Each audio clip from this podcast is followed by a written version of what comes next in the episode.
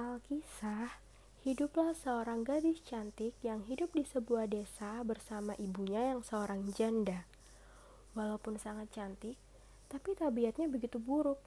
Kerjaannya hanya bersolek dan bermalas-malasan. Tak pernah sedikit pun mau membantu ibunya. Tak hanya pemalas, gadis tersebut juga sangat manja.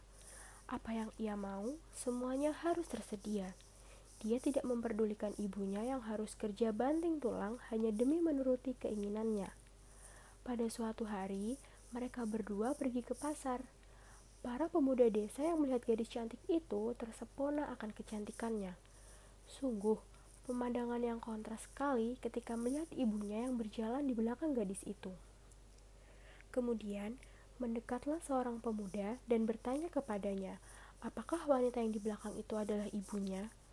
Karena malu, gadis itu menjawab bahwa wanita tersebut bukan ibunya, melainkan pembantunya. Sang ibu yang mendengar hal tersebut hanya bisa diam. Tak hanya mengakui kalau sang ibu hanyalah seorang pembantu, sepanjang perjalanan pun ia diperlakukan sama seperti budak. Mungkin kalau sekali atau dua kali sang ibu bisa memahami. Akan tetapi, banyak orang yang bertanya kepada gadis itu dan jawabannya masih sama. Tentu saja, hal itu membuat sang ibu sakit hati.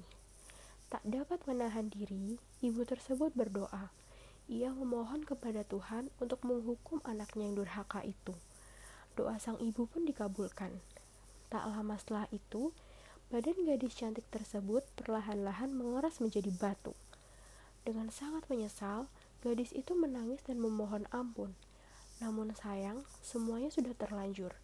Permohonan maaf tersebut sudah tidak berguna dan ia tetap menjadi batu.